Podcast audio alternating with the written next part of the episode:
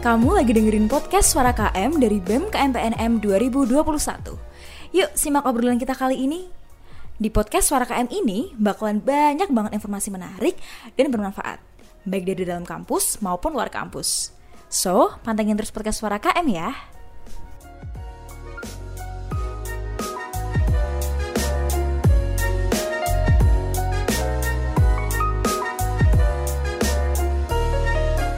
Assalamualaikum warahmatullahi wabarakatuh. Halo Sobat Garda, welcome back to podcast Suara KM episode 4 yang bakal ngebahas tentang kampus Politeknik Negeri Madiun. Nah ini cocok banget nih buat kalian mahasiswa baru yang lagi sering-seringnya nyari-nyari info terkait gimana sih uh, vibes atau keadaan perkuliahan kampus di Kota Negeri Madiun. Nah, kita hari ini ditemenin sama narasumber kece-kece kita, yaitu ada para ketua dari Ormawa Kota Negeri Madiun. Yuk kita kenalan dulu. Halo semua, perkenalkan nama saya Farjal Badar Pandalu. Saya dari Administrasi Bisnis 2019. Di tahun 2021 ini saya diberi amanah sebagai Wakil Presiden Mahasiswa BEM KMPN.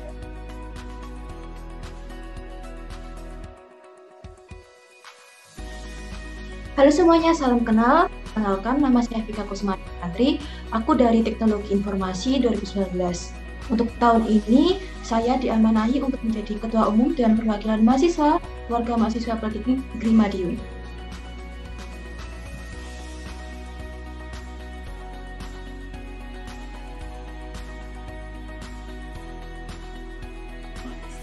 Halo semuanya, salam kenal. Saya Anggun Hani Purwandari, selaku ketua dari HMJKA periode 2020-2021. Saya berasal dari prodi komputerisasi akuntansi kelas 5A.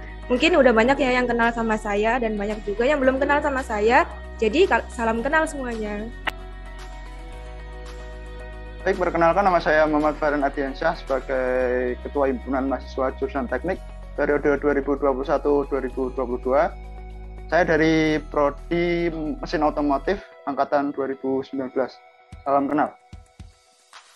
Halo teman-teman semuanya, kenalin nih nama aku Dimas Pramudia dari Prodi Bahasa Inggris 2019 dan di tahun ini uh, puji syukur saya diamanai sebagai Ketua Himpunan Mahasiswa Jurusan Administrasi Bisnis atau HMJB. Salam kenal semuanya.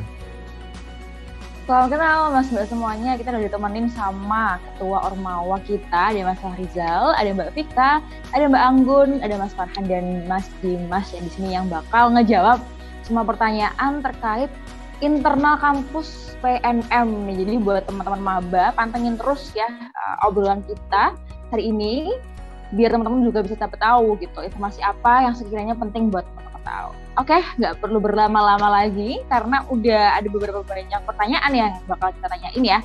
Yang pertama, pertanyaannya adalah, uh, aku penasaran nih, kira-kira dari kelima Mas Mbak ini tuh alasannya masuk atau daftar kuliah di PNM itu apa sih? Mungkin bisa dijelaskan. Uh, kalau dari aku sih, sebenarnya tuh aku dari kecil kan basic saya di olahraga kan basic di olahraga kemudian lulus SMA pengen ku mencari hal baru dan beberapa tujuan itu salah satunya di Politeknik di Madiun itu Oke, jadi uh, Politeknik Negeri Madiun itu salah satu opsi gitu ya Mas Rizal ya. Akhirnya uh, finalnya atau uh, keputusan terakhirnya itu akhirnya daftar di Politeknik Negeri Madiun alhamdulillah rezeki keterima gitu. Kalau dari Mbak Vita sendiri gimana kalau Nah, kalau aku sih, aku tuh nggak menetapkan kalau aku kuliah di Politeknik Negeri Madiun. Jadi kayak aku tuh nyoba-nyoba gitu. Aku daftar-daftar di luar kota, di universitas lainnya, di politeknik lainnya. Dan alhamdulillah rezekinya tuh di Politeknik Negeri Madiun, deket sama rumah. Gitu. Alhamdulillah, bener tuh. Jadi hemat juga ya Mbak ya, nggak perlu ngekos, nggak perlu ngeluarin biaya transportasi yang cukup banyak. Betul banget. Kalau dari Mbak Anggun, kalau dari Mbak gimana? Oke, untuk kalau dari saya ya, awalnya tuh saya tuh nggak pernah kayak kepikiran gitu mau kuliah di mana gitu, nggak pernah kepikiran. Jadi waktu aku SMA itu dulu uh, kayak coba-coba deh daftar di daerah Madiun gitu. Mau coba di Politeknik Negeri Madiun, terus di jurusan komplek gitu aku milih di antara itu yang mana yang cocok akhirnya ya udah aku pilih yang prodi komputerisasi akuntansi nah itu alhamdulillah keterima gitu dan kenapa sih kok aku milih di Poltek di Politeknik Negeri Madiun? Ya karena memang dari beberapa kuliah itu yang aku daftar ya di PNM yang, aku, yang diterima gitu. Jadi alhamdulillah akhirnya saya bisa kuliah di PNM gitu. Dari Mas Farhan? Oh, kalau dari aku sih sebelumnya belum ada anu ya, belum ada apa niatan untuk kuliah sebenarnya. Dulu itu uh, sempat termotivasi sama guru saya, guru waktu SMK. Katanya kuliah itu enak, dapat uh, banyak sekali pengalaman, benefit yang bagus gitu. Jadi uh, tak coba-coba ya sama yang dibilang sama Mbak Mbak siapa? Mbak Vika ya. Dicari-cari, nyoba-nyoba di kampus lain, poltek lain, tapi alhamdulillahnya yang diterima itu di PNN. Jadi alhamdulillah ya dekat dari rumah. Bersama tadi Mbak Anggun juga uh, modelnya sama ya banyak daftar di tempat lain dan akhirnya rezekinya di PNM. Begitupun juga dengan Mas Farhan itu bedanya awalnya belum ada niat berkuliah nih, tapi karena termotivasi, terinspirasi dari gurunya akhirnya daftar ke kuliah dan diterima di kampus PNM. Terakhir nih dari Mas Dimas alasannya apa nih? Apa kok milih PNM? Kalau aku sih pastinya dalam setiap kuliah orang-orang pasti punya beberapa opsi ya. Nah, PNM ini merupakan salah satu salah satu opsiku dan kenapa sih aku mantap kuliah di sini karena kemarin aku sempat ibarat minta petunjuk pada Tuhan mau kuliah di mana dan kebetulan tuh dikasih mimpi kok di Madiun gitu. Kemudian uh, berhubung aku dulu basicnya SMK ya, jadi mungkin lebih cocok jika kuliah di Poltek gitu. Jadi uh, ibarat udah mantep banget tuh pilihannya buat di Poltek. Apalagi Poltek kan salah satu eh satu-satunya bahkan yang negeri ya di Madiun. Nah itu mungkin yang ya. bisa jadi nilai plus lah dibanding uh, perguruan tinggi lainnya itu. Oke, jadi kalau saya simpulin ya dari kalimat jawaban tadi itu kebanyakan tuh emang uh, tebar jala gitu. Nah, alhamdulillahnya rezekinya itu ada di Politeknik Negeri Madiun dan sekarang sudah berjalan sekitar uh, kurang lebih dua tahun ya, Mas Mbak semua di sini. Semoga nanti bisa lulus sampai lancar deh gitu. Amin. Kemudian pertanyaan selanjutnya nih yang mungkin banyak banget nih maba yang pasti kepo ya karena kan kalau kita PKKM itu pasti infonya tuh yang kaku-kaku gitu kayak yang uh, cuman terkait kampus ini tuh tugasnya apa, tugas ini tugas ya, kemudian bagiannya tugasnya apa dan sebagainya. Penjelasannya benar-benar kaku nah. Sekarang saya mau nanya nih. Menurut menurut Mas Mbak semua di sini, anak-anak yang kuliah di PNM atau mahasiswa-mahasiswanya itu kayak gimana sih orang-orangnya kan ada tuh kampus yang biasanya tuh mahasiswa-mahasiswanya kayak kaku, uh, sepaneng, tegang, galak, terus rese dan sebagainya. Kalau PNM tuh gimana sih mungkin bisa disampaikan? Kalau menurut gue sih kalau di PNM itu kadang ya, kadang itu tergantung prodinya juga. Dari prodi oh. tuh orang-orangannya gimana, dari dari mesin otomotif itu gimana, dari kompak itu bagaimana itu kadang terbentuk dari awal mereka masuk awal kaderisasi itu kan gimana dia kenalan sama temennya sam bagaimana dia cara uh, adaptasinya itu juga harus tapi secara keseluruhan asik sih masih novel kalau dari adbis kan uh, tadi Mas juga menjelaskan ya kayaknya beda-beda nih tiap jurusan. Kalau dari adbis sendiri menurut Mas Rizal itu gimana? Kan Mas Rizal dari adbis ya? Ya. Advis tentunya asik juga sih. Tapi kadang ada beberapa mahasiswa itu lebih terfokus pada kuliah. Itu kurang ngopi kurang ngopi atau main-main ke mana bareng gitu cara gitu ya biasanya. Iya mas kalau uh, aku lihat-lihat tuh biasanya anak adis petaniaga tuh ya terkenal rajin-rajin. Jadi mereka tuh uh, jarang lah bisa dibilang jarang yang namanya ngumpul-ngumpul keluar. Kalau anak-anak ini kalau silakan kemarin kayak sering banget tuh ngadain pertemuan entah ada yang futsal ada yang ngopi atau apa gitu. Kalau Agnes jarang-jarang. Cuman nggak kalah kompak sih kayaknya. Oke kita lanjut ke Mbak Vika. Tadi uh, jurusannya teknologi informasi ya kalau nggak salah. Itu ya, dari T itu kayak gimana sih? Kalau dari TI sendiri itu internalnya bagus-bagus kok. Kayak gimana ya? Kompak juga terus teman-temannya juga friendly. Uh, terus kalau misal ada masalah tugas nih kayak teman-teman tuh kayak backup satu sama lain gitu. Gitu kalau dari TI jadi uh, jiwa korsanya tuh dapat gitu ya kalau dari betul TI. sekali. ke Mbak Anggun. Tadi udah advis sekarang ke uh, komputerisasi akuntansi yang ber yang lebih apa ya lebih condong ke hitung-hitungan nih yang bisa dibilang lebih rajin setingkat lah daripada adis gimana nih anak-anak akuntansi Oke, kalau menurut saya ya untuk dari mahasiswanya uh, kompak ya. Kalau kompak itu mahasiswanya kalau menurut saya itu mereka semua rajin-rajin sih. Emang benar kalau dibilang, dari dibilang dari Mbak Clarissa tadi. Memang benar rajin-rajin mereka semua.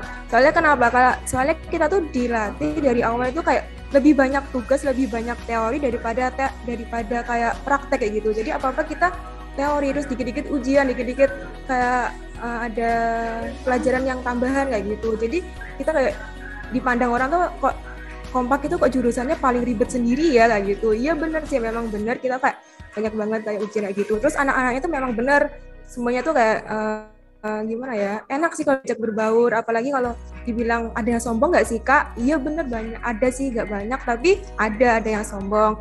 Cuman nggak semuanya sombong tapi banyak banget yang ramah yang sopan yang kayak sering banget nyapa ke adik tingkat adik tingkat nyapa ke ke kating juga banyak banget kayak gitu. Intinya uh, dari kami tuh eh dari jurusan kompak yang aku lihat tuh nggak ada yang kayak membeda-bedakan.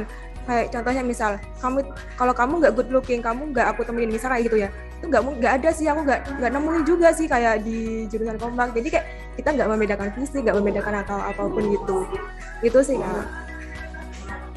Oke, udah kelihatan banget nih dari penjelasannya ya betapa ribetnya jurusan kompak gitu. Dan aku juga setuju pasti kan di setiap uh, platform atau di setiap tempat itu pasti ada plus minusnya gitu ya nggak bisa dipungkiri ya pasti juga ada beberapa mungkin oknum-oknum yang uh, memang uh, bisa dibilang kurang begitu baik tapi juga nggak untuk kemungkinan bahwa juga banyak yang lebih baik nah, itu common thing gitu kayak hal yang umum kita jumpai di, uh, di semua tempat lanjut sekarang ke Mas Farhan nih bisa ngejelasin anak-anak teknik itu kayak gimana sih orang-orangnya kayak dingin, cuek, kaku atau gimana nih?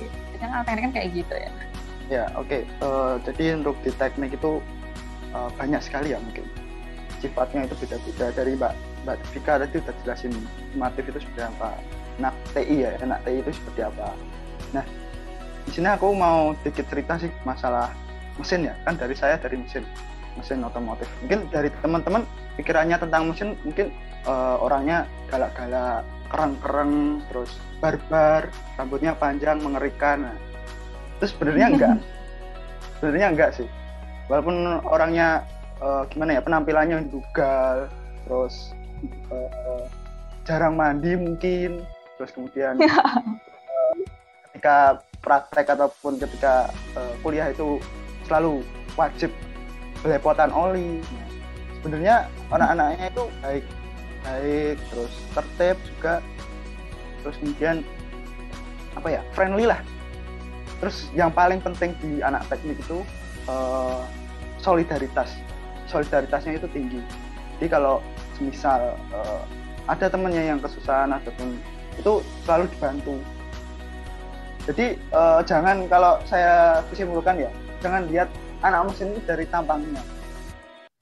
Jadi uh, dilihat dari uh, kepribadiannya lah.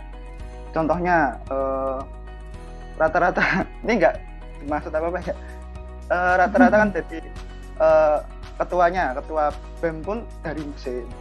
Jadi kan uh, kita nggak nggak selalu gimana ya anak mesin tuh uh, orangnya nakal terus apa tak karena PDW itu enggak sebenarnya. Itu aja sih kak dari aku. Oke aku juga setuju sih mas ke anak teknik itu emang terkenal supel orangnya. Kayak diajak apa? Ayo ayo aja gitu. Diminta tolong apa? Bisa bisa aja gitu. Dan emang bener sih semuanya itu memiliki kesempatan yang sama. Jadi eh, nggak uh, melulu tata niaga yang unggul nggak melulu teknik yang unggul tapi memang semuanya itu punya keunggulan atau keunikan di masing-masing bidangnya. Gitu. nah yang terakhir nih dari Mas Dimas nih mungkin dijelaskan dari segi bahasa Inggris ya. Tadi kan Mas Karizal udah jelasin yang abis sekarang Mas Dimas yang bahasa Inggris. Gimana sih? Apa bener-bener uh, setiap hari selalu ngomong dengan bahasa Inggris atau mungkin chattingnya juga in English atau gimana bisa dijelasin mungkin? Oke, uh, berhubung aku dari bahasa Inggris ya, jadi pengalaman ketika kuliah kemarin kan berhubung aku kemarin udah sempat kuliah offline ya selama satu tahun sama dengan mas-mas mbak di sini mungkin uh, kalau aku mendefinisikan dari teman-teman prodi bahasa Inggris itu enak sih untuk diajak apa ya ngobrol dan juga berbaur itu enak. Soalnya apa? Uh, kan rata-rata cewek cowoknya itu berimbang. Jadi ibarat kita berbaurnya itu antara laki-laki dan perempuan itu hampir sering terjadi. Jadi nggak hanya laki-laki aja, laki-laki dengan laki-laki, terus uh, perempuan dengan perempuan itu. Jadi kita lebih mudah berbaur dan juga untuk berbaur ke teman kelas lain itu juga gampang banget kok. Dan seperti yang dikatakan atau yang ditanyakan oleh uh, Mbak Clarista tadi bahwa benar setiap hari kita dulu ketika kuliah dalam artian dalam matkul ya itu selalu pakai bahasa Inggris nggak mungkin nggak ya mungkin uh, mungkin bisa kalau presentasikan 70% bahasa Inggris 30% bahasa Indonesia lah. Ketika penjelasan materi pun itu pakai bahasa Inggris. Tapi di lain sisi ya kadang merasa keren gitu wes datang kuliah pagi-pagi. Eh, eh yo what's up bro? Kayak wow keren oh. gitu kan ya kan? Pakai bahasa Inggris. Jadi ya apa ya kadang bahasa Inggris itu juga nggak selalu sulit sih ya. Terkadang juga bisa buat kita keren gitu di mata orang lain ya kan jadi ya, setuju banget. buat kalian maba yang udah gabung prodi bahasa Inggris ataupun adpis ya itu jangan apa ya jangan merasa salah jurusan atau terbebani itu enggak sih. Pokok bakal dapet lah nanti gimana rasanya itu. Itu sih kalau dari aku Iya sih, aku juga setuju ya sama tadi uh, statementnya Mas Dimas. Kebanyakan tuh emang anak-anak bahasa Inggris itu, saya juga punya temen kan dari bahasa Inggris, mereka juga membaur gitu, kayak nggak ada gap antara cowok dan cewek. Terus kebanyakan juga lebih kayak modis-modis gitu, mungkin karena memang uh, kiblatnya itu kan lebih ke western gitu ya. Terus tadi yang dibilang Mas Dimas untuk ngerasa keren, iya juga ya rasanya kayak lagi studi abroad gitu ya, kayak lagi kuliah di luar negeri juga nih. Tapi kita dapatkan di kota Madiun yang kecil ini, kecil berawit kita juga bisa kok ngelakuin itu. Gitu. Oke, sudah dijelasin tadi panjang itu terkait gimana sih masing-masing jurusan itu pasti punya karakteristik masing-masing ya. Uh, ada yang rajin-rajin, ada yang dia dari looknya tuh garang tapi aslinya hatinya itu semanis Hello Kitty kayak gitu. Kemudian ada juga uh, yang solid, supel, ada juga yang emang dia dari uh, kualitas itu menjual dalam arti uh, misalnya Inggris tadi ya, karena kan memang tata itu biasanya sering lah uh, kita dibilang diberdayakan entah jadi MC, jadi moderator dan lain sebagainya kayak gitu. Di Sium kemarin juga banyak kan yang memanfaatkan atau memberdayakan teman-teman tata niaga.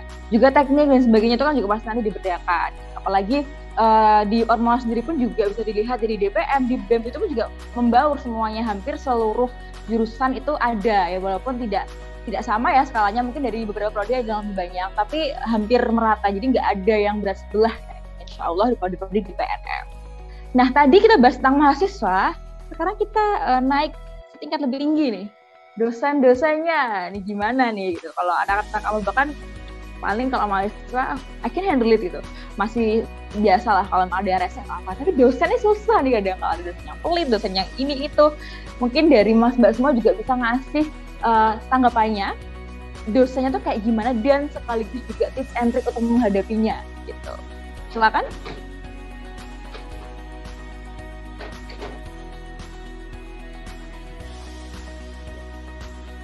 Oke, okay, mungkin dari oke. Okay. Oke, okay, mungkin dari aku dulu ya untuk terkait dosen-dosennya gimana sih? Uh, kembali lagi ke pertanyaan-pertanyaan sebelumnya kayak setiap jurusan, setiap prodi itu memiliki uh, karakteristik dosen-dosen yang berbeda-beda, sifat-sifat dosen yang berbeda-beda. Nah, di sini aku menjelaskan kayak sifat-sifat dosennya itu berdasarkan prodi aku yaitu teknologi informasi. Uh, overall, uh, dosen-dosen di TI itu kayak gimana ya? Kayak selalu membantu mahasiswanya itu, kalau misalnya itu nggak bisa tetap dibantu gitu, dibantu, diajarin sampai mahasiswanya itu bisa. Jadi nggak ada tuh kayak mahasiswa kayak dosen yang rese, yang dicariin dicariin pagi malam nggak bisa itu nggak ada sih. Kalau dari TI sendiri.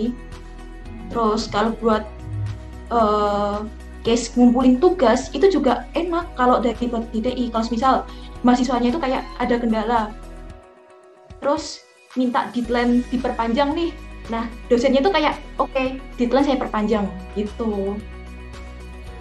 Tapi dilihat dulu kayak case-nya gimana case permasalahan untuk tugasnya itu gimana gitu.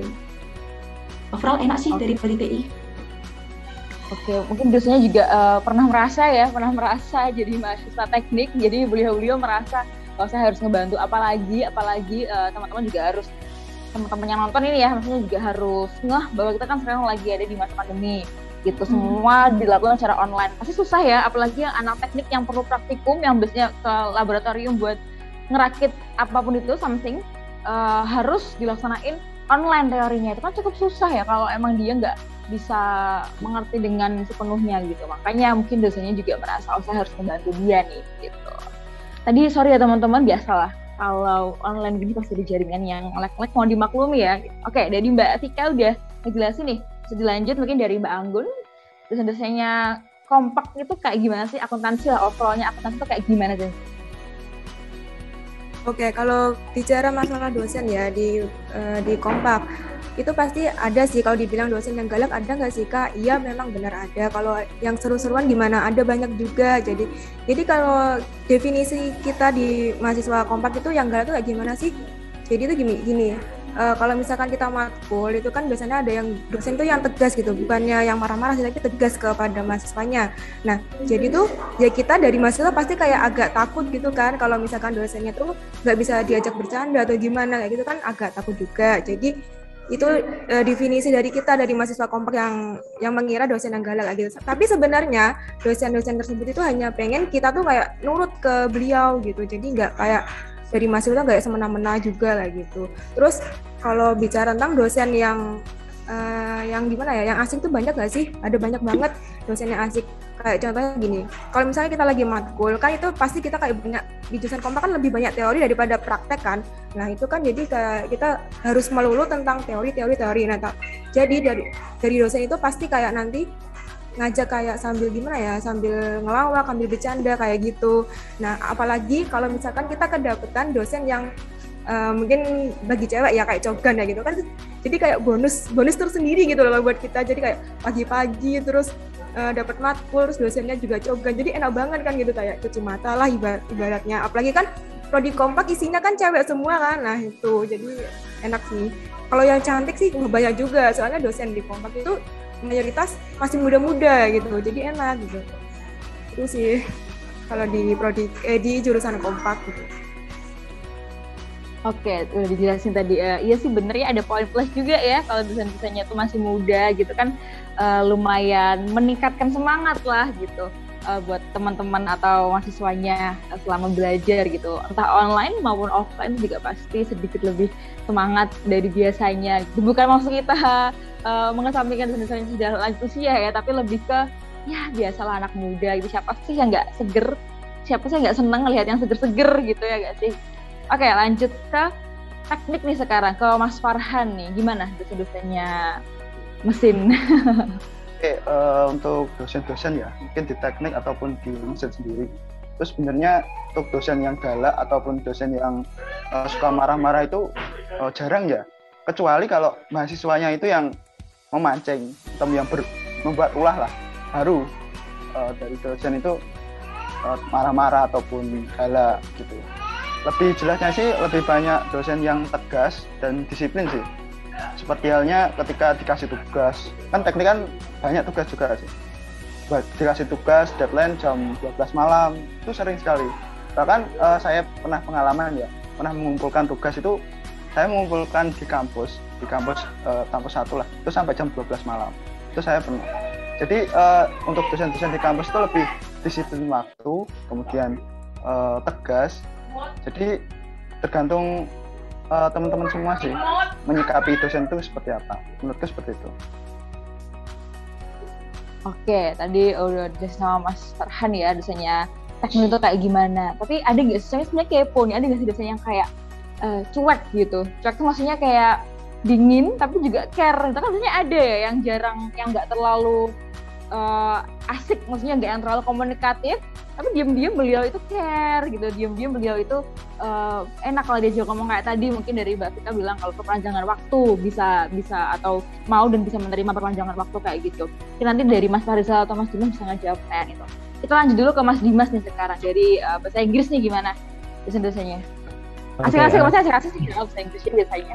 Dia bisa dijelasin. Oke, okay, uh, untuk dosen dari prodi bahasa Inggris sebenarnya juga bermacam-macam ya seperti mahasiswanya tadi sebab di prodi tertentu itu ya juga pastinya bervariasi Namun sejauh ini ketika aku menghadapi dosen-dosen atau bertemu dengan Bapak Ibu dosen dari prodi bahasa Inggris, itu at least kebanyakan ramah kok. Dikatakan ramah kenapa? Karena ibarat apa ya? Uh, mau gitu loh untuk membimbing kita yang dari prodi bahasa Inggris memahami materi, kemudian kita juga serasa diasuh gitu sama beberapa bapak ibu dosen yang sekiranya menjadi DPA, terus kemudian untuk dari segi tugas ya bisa dibilang prodi bahasa Inggris tuh ringan sih. Nggak seberat teknik atau gimana. Jadi dari segi tugas itu uh, mungkin dari segi deadline beban tugas dan sebagainya itu termasuk ringan. Dan mungkin teman-teman teknik juga tahu lah bagaimana bahasa Inggris kan ya teman-teman. Jadi ibarat kan banyak sih yang bilang alah bahasa Inggris itu prodinya enak kok nggak tugas nggak banyak gini-gini. Prodi nyantai lah katanya gitu. Dan itu emang bener emang bener aku rasain selama ini. Jadi tugas pun dari deadline nggak terlalu mencekik. Dari beban tugas juga nggak terlalu apa ya nggak terlalu memberatkan gitu. Jadi so far selama ini aku kuliah di Poltek khususnya di prodi bahasa Inggris. Dosen-dosennya mantap banget.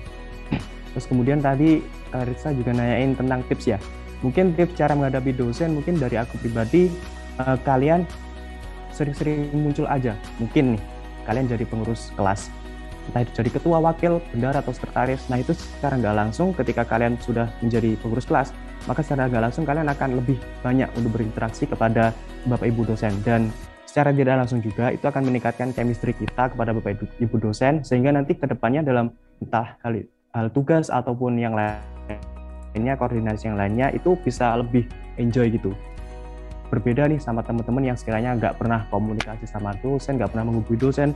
Nanti kalau ada koordinasi ataupun apa yang sekiranya berhubungan dosen itu pasti kayak kaku gitu, nggak tahu mau ngapain. Eh, aku iya ya mau hubungin dosen itu tapi bingung gini-gini.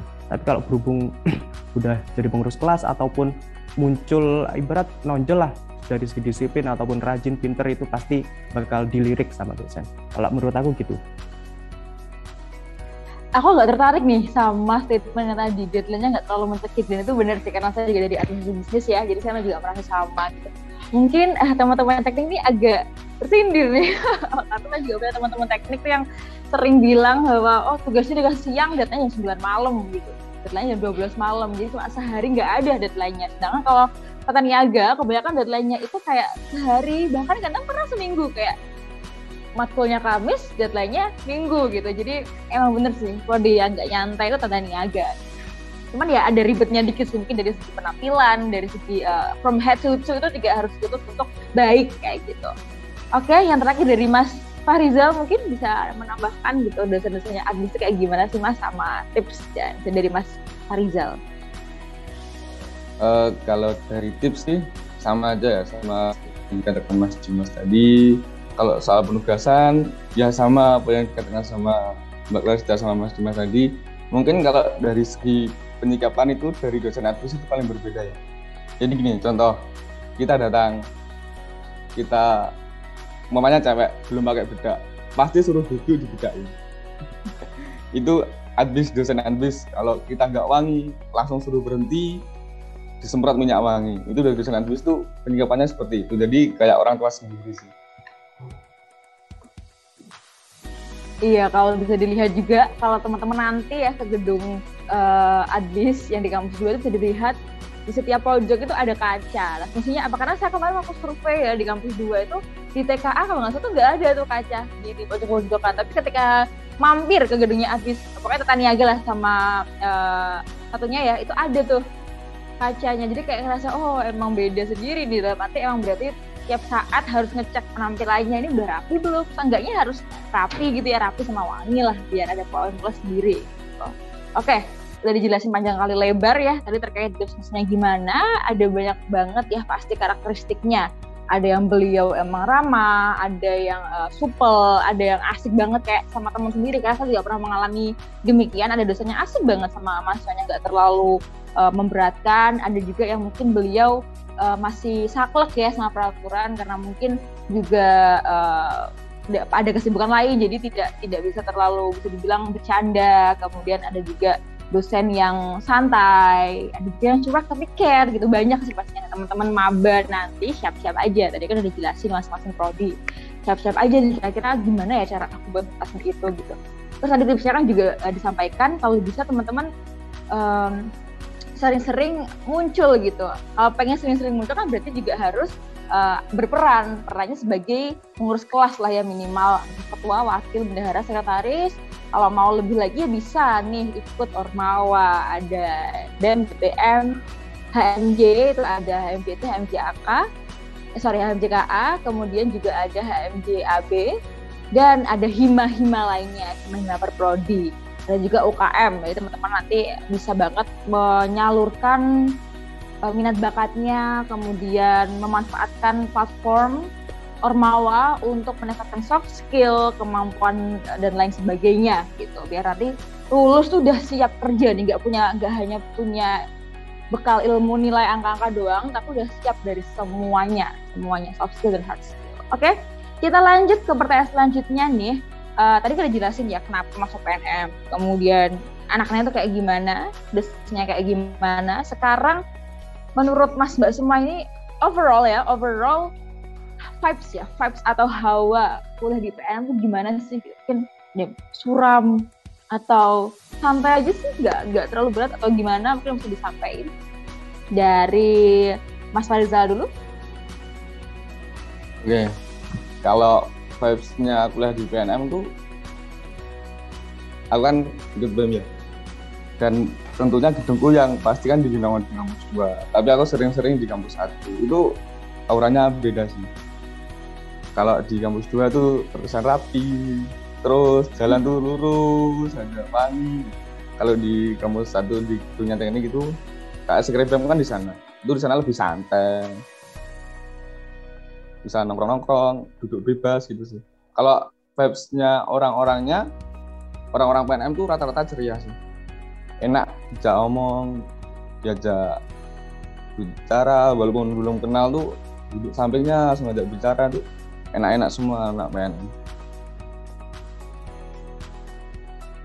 Oh lanjut ke Mbak Tika mungkin Oke, okay, mungkin vibes dari aku itu orang-orang uh, vibes politik Himat itu enak sih santai. Tapi beda lagi kalau semisal waktunya udah ujian. Nah, ini udah beda lagi nih, horor nih, sumpah. Kayak, kayak gimana ya? Masuk. Poltek aja greget banget. Sumpah kayak, duh gimana ya? Kayak mikir ujiannya itu nanti gimana ya? Gagal nggak ya? Terus nilainya berapa ya? Kayak gitu. Tapi untuk orang-orangnya, orang-orang Poltek itu friendly semua. Kayak aku nih teman aku tuh nggak hanya dari teknologi informasi aja teman aku juga ada yang dari anak TKA juga dari anak mesin juga teknis juga semuanya tuh ada setiap prodi itu. Jadi enak friendly semua teman-teman. Prodi di Madiun itu. Gitu. Oke kebanyakan emang um, friendly karena kan emang kita ada di Madiun ya Madiun kan emang masih ke Mataram-Mataraman pasti kayak masih G uh, sampun gitu. Kalau Surabaya beda lagi nih mungkin. Surabaya kan agak menggebu-gebu. Nah kalau Madiun ini masih kayak santun ke Jogja-Jogjaan. Makanya anak-anak PNM itu insya Allah ramah-ramah. Gak ada yang. Ya, saya ada tapi satu doang mungkin perbandingannya satu banding seribu. Jadi mana aja. Oke lanjut nih sekarang ke Mbak uh, Anggun. Bisa dijelasin? Oke, kan aku kan full ya untuk jurusan kompak itu full di kampus 2 ya, nggak di kampus satu nggak nggak kampus dua. Jadi cuma kampus dua aja. Jadi itu kayak hal-hal gimana ya kalau di kampus dua itu? Ya gimana? Ya kan dulu kan waktu saya masih kuliah offline itu kan gedungnya juga masih baru. Jadi kayak suasana di di kampus dua tuh juga agak agak serem sih emang iya. Tapi kalau misalkan kalau kita udah kumpul bareng nih sama teman-teman di kampus itu enak banget gitu. Jadi sama setuju sama sama Mas Farida sama Mbak Vika tadi bilang kalau uh, anak-anaknya tuh enak banget ya gitu. Iya benar enak banget gitu. Jadi tuh kalau misalkan udah kumpul nih kalau dari pagi cuman kumpul duduk doang ngomong sampai dari pagi sampai sore itu udah betah banget. Udah itu aja udah yang bikin betah di kampus sih kalau menurut aku. Jadi aku setuju sama Mbak Vika tadi yang dibilang. Gitu. Oke, kalau bicara terkait serem atau nggak seremnya ya mungkin di kampus gua hawanya tuh agak kalau malam mungkin ya agak-agak bikin merinding karena emang kanan kirinya itu nggak ada apa-apa gitu bisa dibilang kalau yang kampus satu kan kita kanan kiri tuh ada ada rumah, ada kios-kios, outlet-outlet uh, toko dan lain sebagainya. Ada juga beberapa lembaga pendidikan. Jadi agak rame lah. Nah kalau di kampus dua itu kan di ring road ya teman-teman.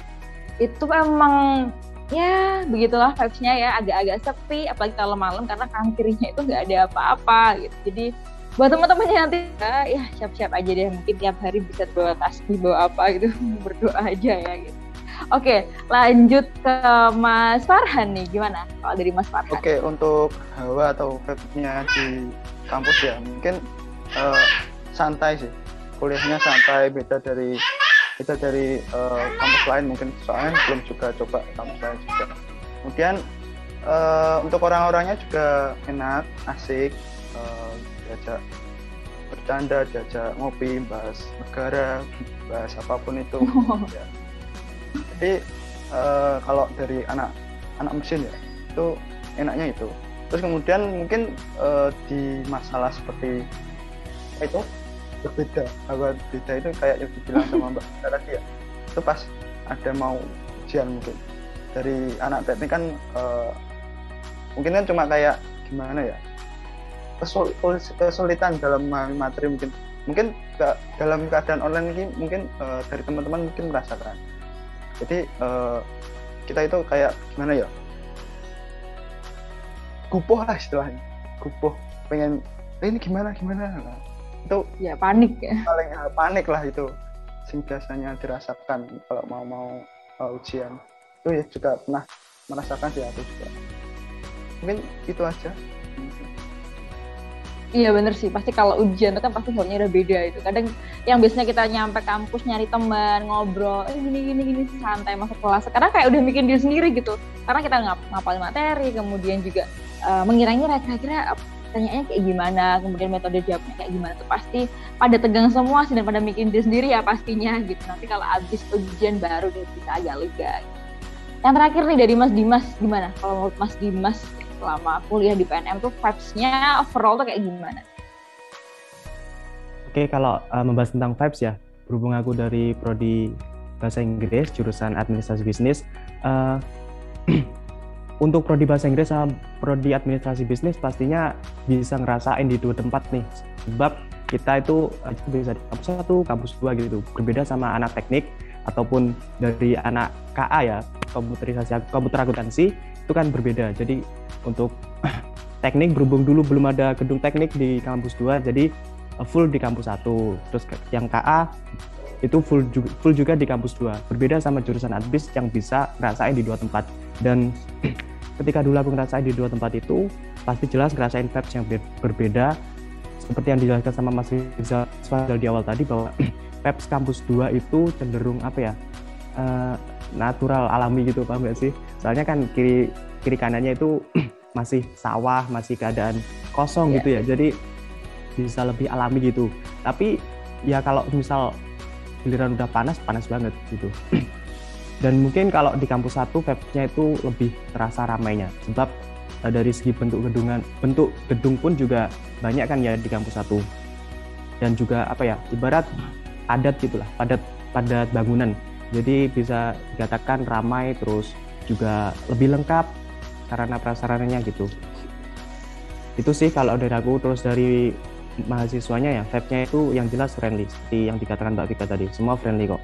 Aku dari prodi bahasa Inggris juga berteman sama banyak anak teknik dan juga KA dan yang aku rasain juga masing-masing dari mereka friendly. Ketika pertama kali first meet bertemu itu nggak meneng-menengan gitu nggak langsung diajak hmm. ngobrol gini-gini gitu kalau dari aku gitu jadi overall nih pada bilang kalau kampus 2 dan kampus 1 itu ya, emang beda ya karena dari segi geografinya mungkin ya itu juga beda gitu. Di kampus 1 di tengah-tengah kota nih eh, di kanan kirinya ada banyak uh, kegiatan perbelanjaan, pendidikan dan lain sebagainya. Kalau kampus 2 ini mungkin bisa ngebuat masanya lebih lebih apa ya lebih fokus ya. Karena kalau di kampus satu mungkin pikirannya nanti kalau istirahat aku mau keluar belanja ini mau beli ini mau jajan ke sini. Tapi kalau kampus dua kan jauh banget.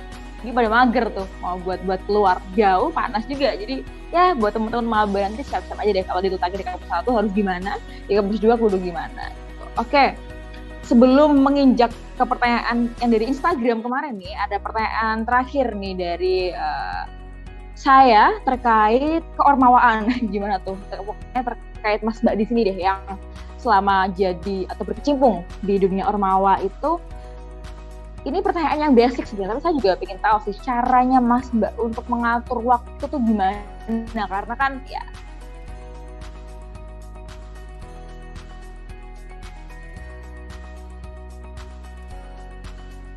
apalagi itu juga atau mungkin kalau banyak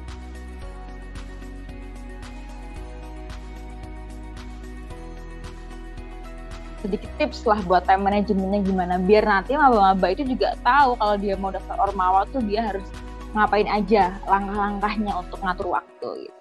Boleh dari Mas Farizal dulu bisa ngejawab? Oke, nek dari aku sih sebenarnya time management itu mudah ya. Soalnya gini, ya memang nomor satu memang prioritas tetap kuliah. Kemudian ikut organisasi kan. Dan di organisasi sendiri itu sudah ada jadwal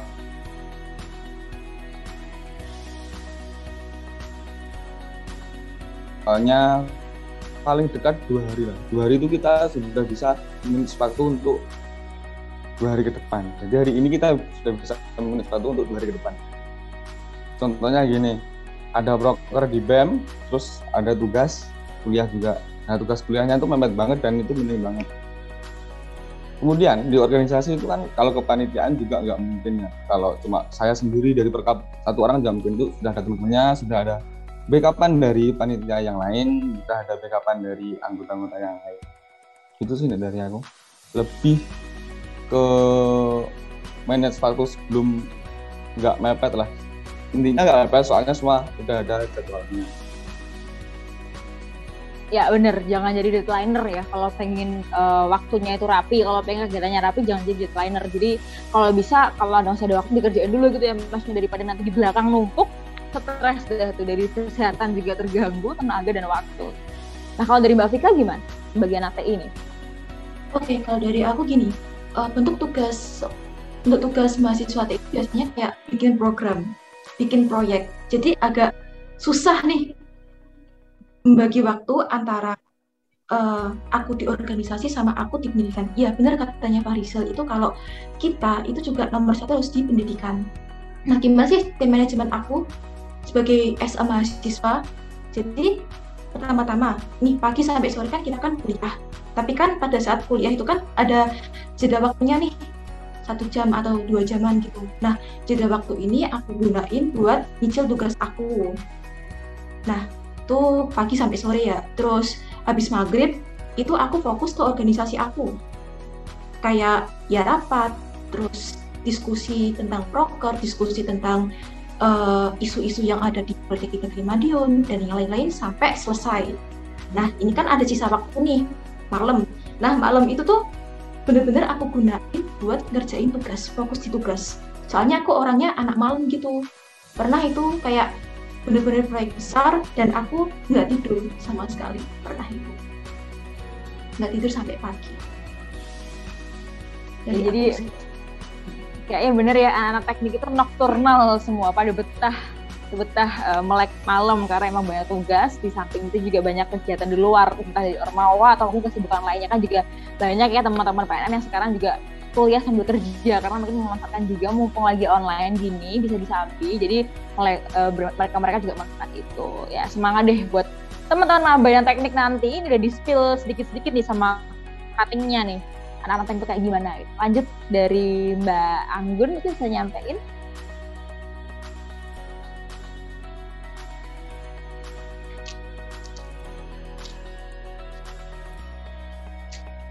Halo Mbak Anggun. Oke, uh, sorry sorry tadi ada kendala. Jadi gini. Gak apa-apa. Uh, jadi kalau misalkan masalah time manajemenku Eh, sebagai anak Ormawa ya. Hampir sama dengan Mbak Vika yaitu kayak waktu pagi sampai sore itu tuh kita kuli eh, saya kuliah. Terus kemudian malamnya tuh menyempatkan untuk Ormawa tapi walaupun kayak gitu tapi aku nggak selalu melulu malam itu tentang Ormawa jadi kalau misalkan kayak ada yang urgent di pagi hari atau siang hari tentang Ormawa yaitu saya selesaikan juga untuk segera mencari solusi gimana caranya kayak uh, agar di masalah di Ormawa tersebut itu cepat selesai gitu loh. Jadi biar nggak tembok antara kuliah dan kan tadi katanya Mas Fahrizal terus kalau misalkan uh, kita tuh punya anggota yang lain gitu loh jadi kita juga minta tolong sama mereka nggak hanya yang semuanya tuh harus dikerjakan oleh ketua gitu. Jadi kalau misalkan ada apa-apa ya kita minta bantuan juga sama yang organisasi lainnya, eh sama eh, pengurus yang lainnya maksud saya gitu. Itu sih hampir sama dengan Mas Fahri sama Mbak Vika tadi. Iya bener juga sih Mbak, karena kan kita nggak berdiri sendiri, jadi uh, bisa sesekali ya di backup sama teman uh, atau member lain yang masih anggota atau yang masih bisa nge-backup. Karena pasti itu sangat membantu sih kalau berdiri sendiri atau kerja sendiri kan pasti kita kewalahan nanti ya. Kalau dari Mas Farhan gimana? Oke, untuk dari aku ya, untuk masalah time management ini uh, tetap nomor satu yaitu kuliah, tugas kuliah ataupun perkuliahan itu tetap nomor satu. Jadi uh, tujuan kalian untuk masuk PNM itu untuk kuliah ataupun organisasi itu untuk belajar. Juga sama pentingnya kita belajar di uh, apa?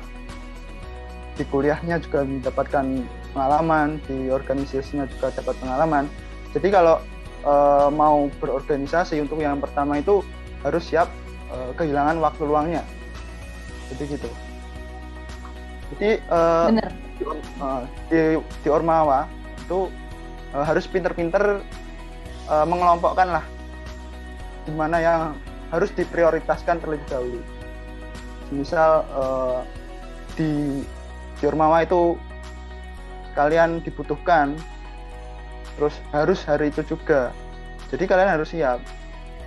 Seperti yang dibilang sama Mbak Vika tadi uh, bisa uh, dengan cara tersebut kita bisa membagi waktu kita dari pagi sampai sore kita kuliah, kemudian kita di apa di jeda kuliah itu kita sambil mengerjakan tugas itu juga bisa di malamnya uh, kita mengurusi ormawa jadi harus siap kehilangan waktu luangnya. Kita uh, jadi mana ya?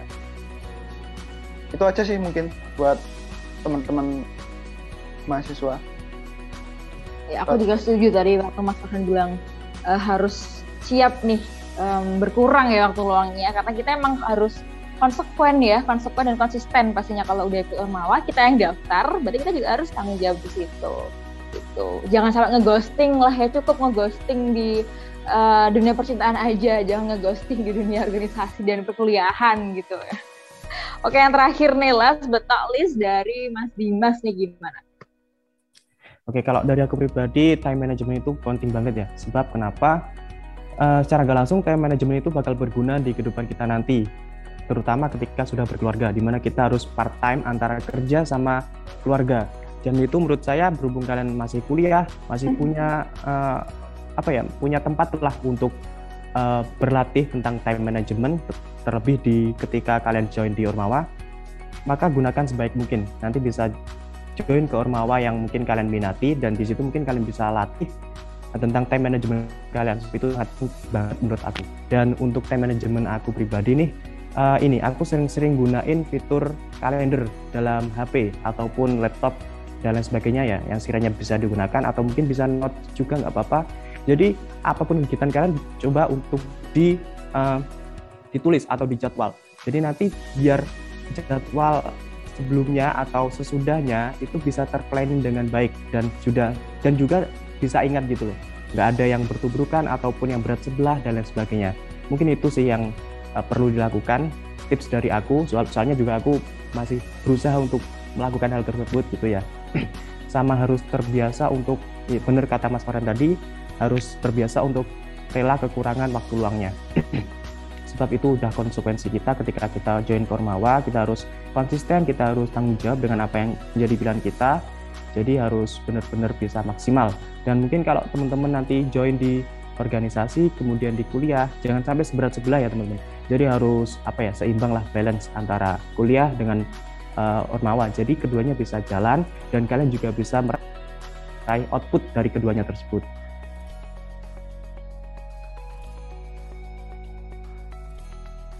Keluarga.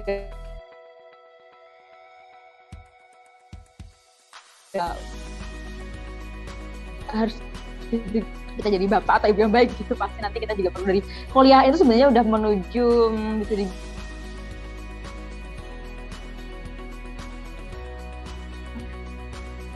kemudian tadi juga uh, aku juga bersama sama Mas Dimas ya. Aku juga sering akhir-akhir ini menggunakan fitur kalender atau reminder di kalender ya. Biasanya dari pagi gitu ada note-nya atau ada notifikasinya di handphone. Jadi tahu oh hari itu aku mau ngapain aja sih? Oh pagi gini siang gini malamnya rapat ini itu ini itu. Jadi biar bisa nggak kaget. Karena kadang kalau nggak digituin lupa. Kadang-kadang lupa kalau oh ada rapat ternyata tiba-tiba ada yang ngirim link zoom gitu kan. Jadinya nggak efektif ya nggak maksimal. Kalau udah di note gitu kan pasti kita bisa nyiapin dulu. Kita kira-kira nanti aku rapat mau ngomong apa ya? Mau nanya apa ya? Gitu Oke nih, dari pertanyaan uh, tadi, seluruh pertanyaan tadi, semoga bisa ngejawab ke kepoan teman-teman maba atau rasa penasaran teman-teman maba terkait kampus Kota Negeri Madiun. Nah, sekarang kita mau nanya pertanyaan, uh, memberikan pertanyaan dari Instagram yang kemarin sudah terkumpul. Ada yang pertama, ini dari Huda Mahendra underscore. Pertanyaannya adalah, mungkin ini untuk uh, eh, DPM ya, atau buat teman-teman bisa membantu jawab juga Apakah UU DKM itu penting dan apa feedbacknya jika diterapkan dalam Ormawa? Gimana tuh? Bisa dijawab mungkin? Monggo silakan. Oke, jadi terima kasih atas pertanyaan dari Mas Huda Mahendra underscore. Jadi sini aku ingin menjawab seberapa penting. Penting nggak sih UDKM itu? Uh, aku jawab penting. Karena apa? Karena UDKM itu berisikan eh, peraturan-peraturan uh, yang sudah disepakati oleh seluruh ketua Ormawa khususnya seluruh kota Ormawa. Nah, uh, feedbacknya apa sih buat Ormawa itu? Yang pertama, adil. Nah, adilnya ini diatur nih di UDKM juga. Yang kedua, kita bisa menjalankan uh, sebuah tugas Ormawa itu sesuai dengan tupoksi. Dan biar selaras lah, kayak gitulah. Terus yang ketiga itu bisa ada landasan hukumnya. Jadi misalnya ada sebuah Ormawa yang uh, menyalahi aturan yang sudah disepakati oleh seluruh ketua ormawa. Nah, di sini tuh kita juga bisa menuntut uh, pihak tersebut tuh untuk mendapatkan sanksi yang sudah yang sudah disepakati oleh seluruh ketua ormawa seperti itu. Mungkin dari teman-teman juga bisa menambahin. Oke, aku nambahin secara garis besar aja ya. Oke, silakan Pak Riza. Oh, DKM itu penting banget. Karena yang pertama yang jelas mengatur birokrasi secara struktural maupun secara administratif kan juga ada yang juga.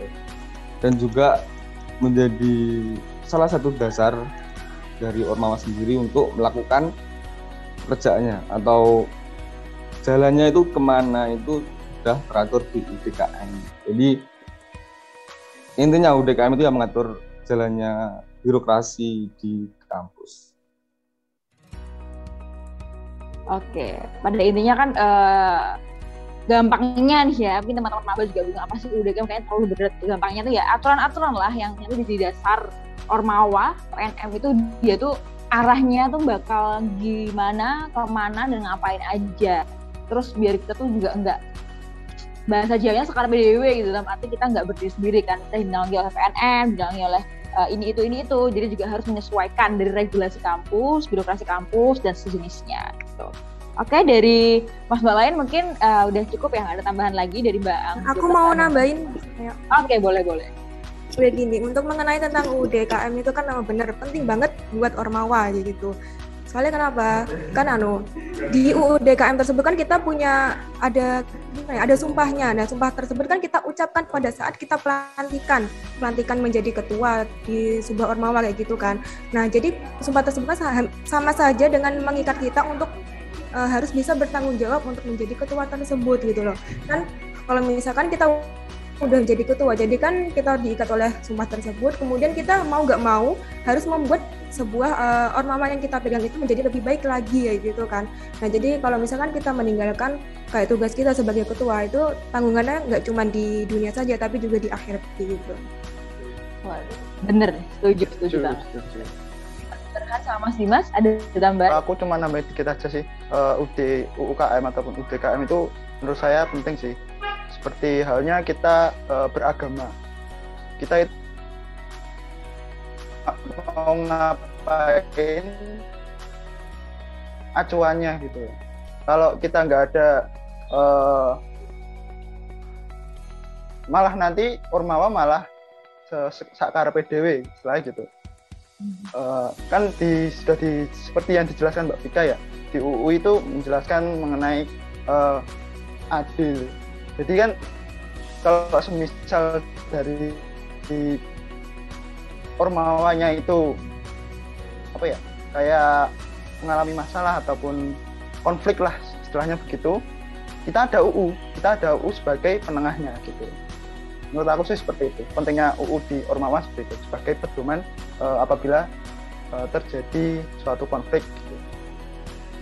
ya oke okay. dari Mas Dimas ada tambahan ada dong pastinya uh, sama seperti jawaban dari teman-teman yang lain ya. Uh, pentingkah penting nggak sih UU DKM itu? Uh, seperti jawabannya dari teman-teman tadi sangat penting sebab UU DKM itu sebagai uh, apa ya pegangan lah pegangan kita dalam berorganisasi dan dalam kehidupan ormawa gitu ya. Yang pastinya dalam pegangan itu nanti ataupun uh, pengatur itu nanti pasti akan diatur bagaimana cara kita menjalankan suatu ormawa bagaimana cara kita menjalankan suatu proker dan lain sebagainya pasti udah diatur dan feedbacknya pasti juga bakal kerasa banget untuk setiap Formawa karena apa?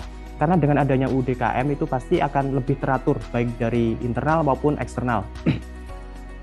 Jadi ibarat eh, katakanlah Indonesia tanpa UUD 1945 itu mau jadi apa nih Nah itu menurut saya itu. Jadi sangat penting dan feedbacknya juga sangat bisa bermanfaat untuk Ormawa dan tentunya pasti diperkuat dengan ADART masing-masing Ormawa kan. Nah itu.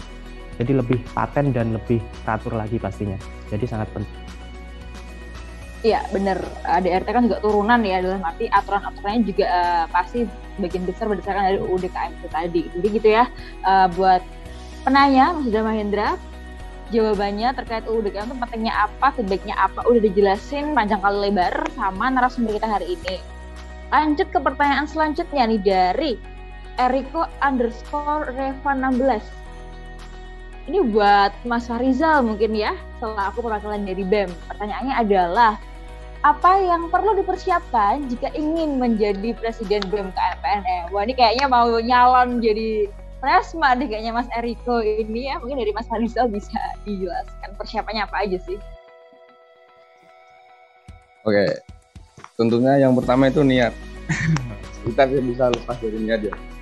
Kemudian yang kedua itu kita punya pengalaman atau sudah tahu di dalamnya.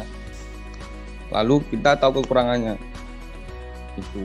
Kemudian selanjutnya setelah niat pengalaman kita tahu kekurangan dari kampus kekurangan kurangnya apa gitu kita harus tahu.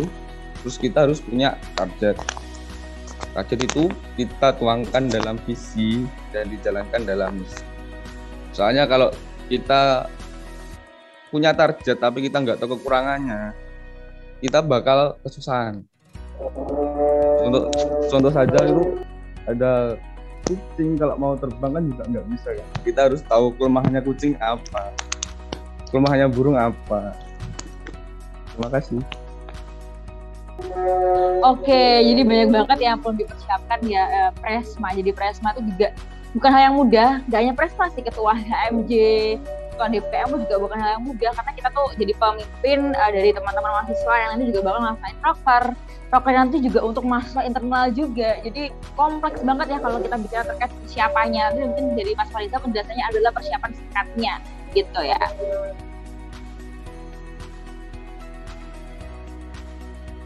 Oke, lanjut aja sekarang ke pertanyaan ketiga dari Hello Nabi IIL. I-nya banyak banget nih. Gimana tanggapannya jika suatu saat nanti akan ada politeknik negeri baru nih di Karesidenan Madiun selain PNM? Gimana tuh tanggapannya? Mungkin dari uh, Mas Fariza dulu bisa dijelaskan menurut Mas Fariza tanggapannya gimana? Kalau dari saya pribadi tentunya kalau ada politeknik itu tanggapannya positif. Dan saya rasa kalau ada politeknik baru lagi, mungkin pemerintah juga nggak bikin politeknik yang negeri sama di sekitar kalau terlalu berdekatan. Mungkin lebih ke politeknik kedinasan contohnya saja di Madiun juga sudah ada politeknik perkeretaapian Indonesia. Itu secara organisasi tentunya senang soalnya kita juga tambah relasi kita tambah pengalaman tentunya. Kemudian secara akademik kita akan bekerja sama sih.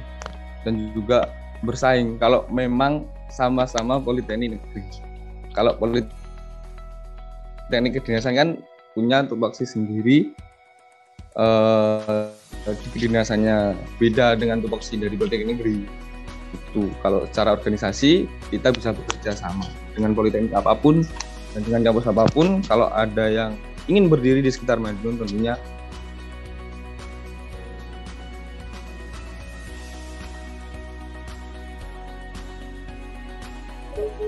Oke, jadi dari Mas Antara tanggapannya sudah demikian ya. Mungkin dari Mas Mbak lainnya bisa memberikan tanggapan juga atau kalau ada Aku mau nambahin nih. Ya, ya benar apa yang dikatakan Mas Fahrizal tadi. Kalau dari aku sendiri ya, itu tanggapan aku positif banget nih kalau ada adanya politik negeri yang lain di Karasidenan Madiun. Berarti kita bisa ambil nih ambil kesimpulan bahwa uh, Karisdel Maju ini berkembang pesat di bidang akademisnya gitu. Terus kalau dibuat saingan tuh kalau dari aku jangan dibuat saingan ya, tapi malah dibuat untuk bekerja sama antara ormawa satu dengan ormawa yang lainnya. Ormawa eksternal lah gitu, kayak broker eksternal itu kan ada kan. Bisa dijadikan buat kerjasama untuk menjadi lebih baik juga. Terus bisa mengembangkan uh, Karisdel Maju ini menjadi lebih baik lagi seperti itu. Kalau dari aku. Amin amin ya alamin. Semoga uh, kalau emang mau ada potensi baru, kita bisa kerjasama lah ya dalam arti uh, entah dari si hard skill, soft skill dari organisasi, dari pendidikan dan lain sebagainya tuh semakin kita juga bisa saling memberikan feedback. Jadi simbiosis mutualisme gitu. Dari Mbak Agun, Mas Farah, Mas Dimas, mau ada ngasih tanggapan juga terkait pertanyaan ini? Ya aku mau ngasih tanggapan nih tentang okay. yang tadi pertanyaan dia. Jadi gini, kan itu tadi yang diterangkan Mas Fahrizal sama Mbak Vika kan tentang kalau misalkan kita sebagai ormawa kan ya memang benar sih fit, apa namanya uh, positifnya tuh kita dapat bekerja sama mungkin kalau setiap ormawanya. Nah, tapi kalau bagaimana kalau misalkan mahasiswa itu kayak bukan ormawa, pasti mereka kan mandangnya begini. Bagusan mana bagusan mana sih antara Politeknik A sama Politeknik B kan pasti mereka berpikirnya kan kayak begitu kan. Nah, jadi gini, kalau misalkan kamu udah udah gimana ya kayak udah bergabung di Politeknik A misalnya. Ya udah kamu berarti berarti kamu tuh ya harus bisa membuat politeknik tersebut itu kayak bagus gitu loh. Jangan jangan merendahkan jangan membanding-bandingkan juga kayak gitu. Jadi kalau misalkan anak lain misalkan bilang gini ah politeknik yang itu lebih bagus daripada politeknik yang sini gitu. Ya itu setelah pendapat mereka sih kalau menurut saya. Jadi kalau misalkan kalau kamu udah gabung di politeknik yang kamu jalani ya udah berarti kamu fokus aja ke ke gimana ya ke tujuan kamu masuk ke politeknik tersebut tuh ngapain gitu. Kalau bisa, kamu harus bisa membuat uh, kamu lulus di politeknik tersebut dengan hasil yang memuaskan kayak gitu. Iya, aku juga setuju tadi ya. Uh, dalam arti kan kalau ada politeknik baru, baru, berarti kan ada maba nanti pasti mereka juga comparing ya, membandingkan. Kira-kira aku mau masuk di politeknik yang mana nih gitu.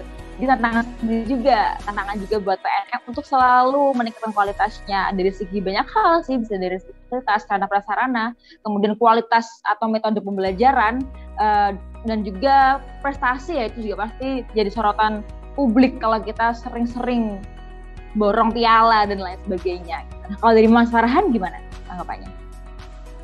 Kalau dari aku dari segi Ormawa tentunya sangat setuju ya ataupun uh, bertanggapan positif lah istilahnya gitu.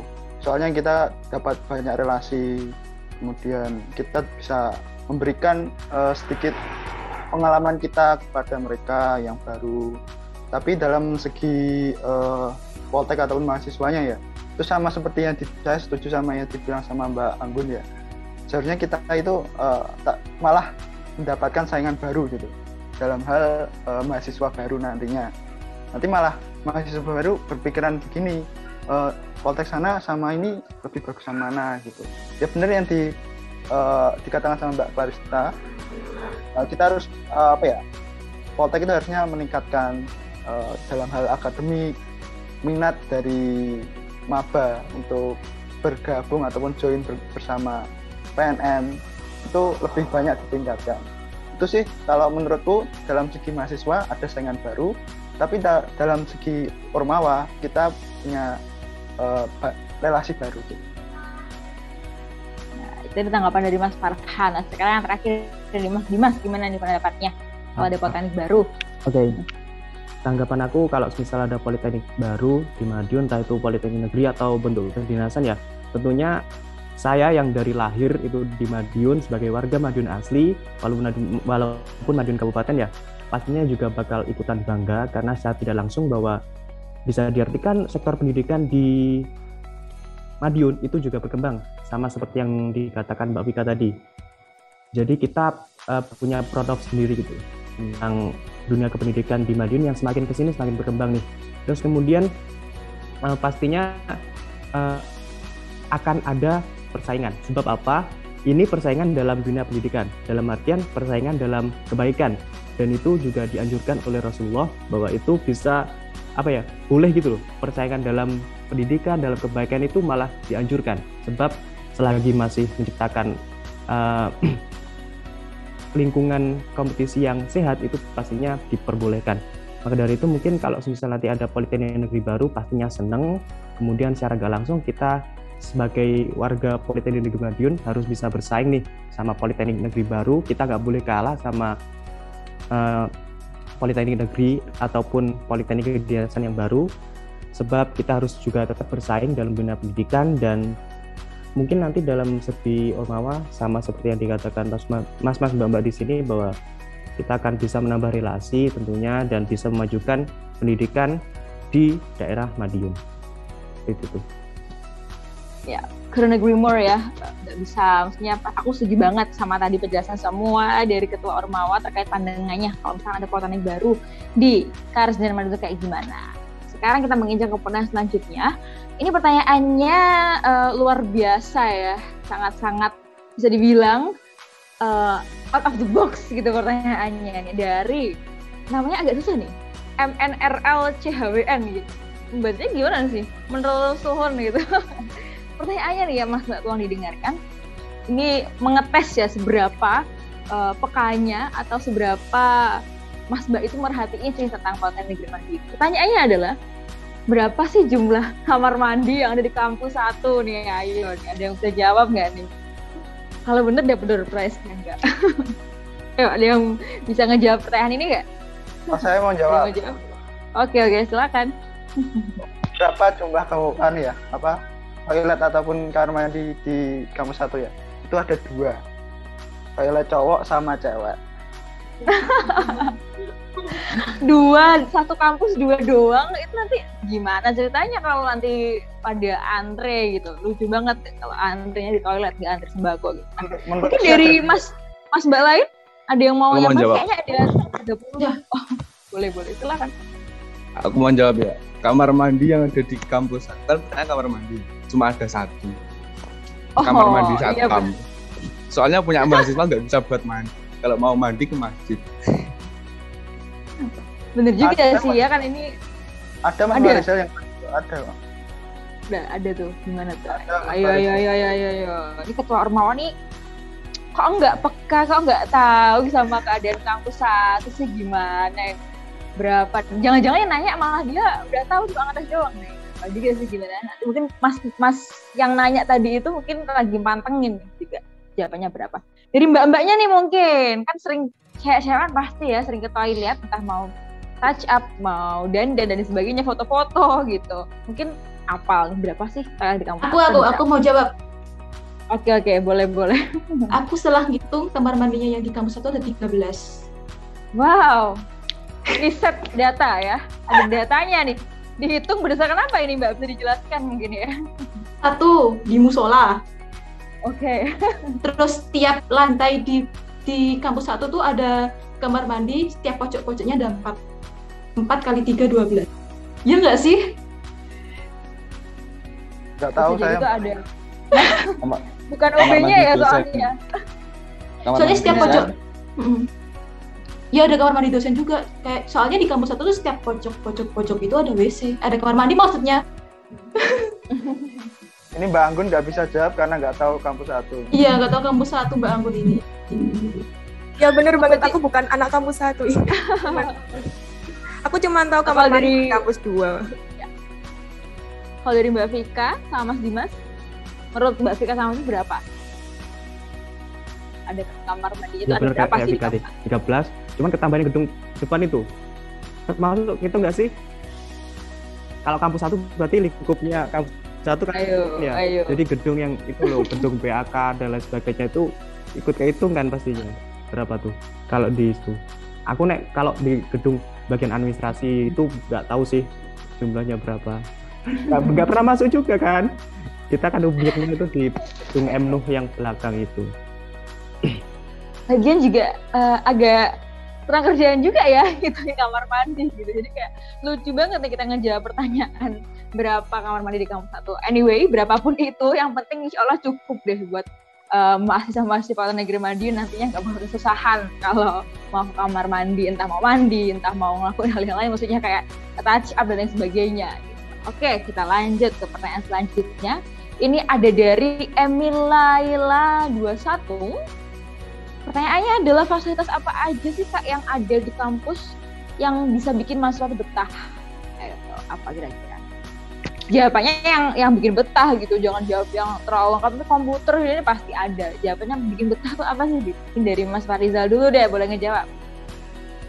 Kalau aku yang bikin betah di kampus tuh sebenarnya nomor satu bukan fasilitas, tapi SDM. Soalnya cantik-cantik juga. Waduh, waduh, waduh, waduh. Kalau kalau dari segi fasilitas itu yang paling nyaman di kampus yang paling enak tuh gazebo. Buat nyantai enak banget. Itu betah di sana.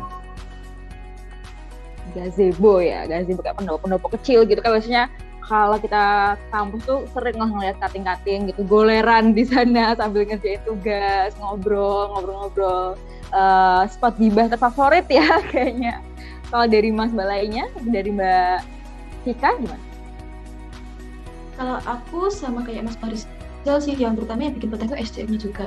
Kan nggak hanya cantik-cantik doang yang di sana juga ada jokan-jokan juga. ada jokan-jokan juga di Politeknik di Madiun.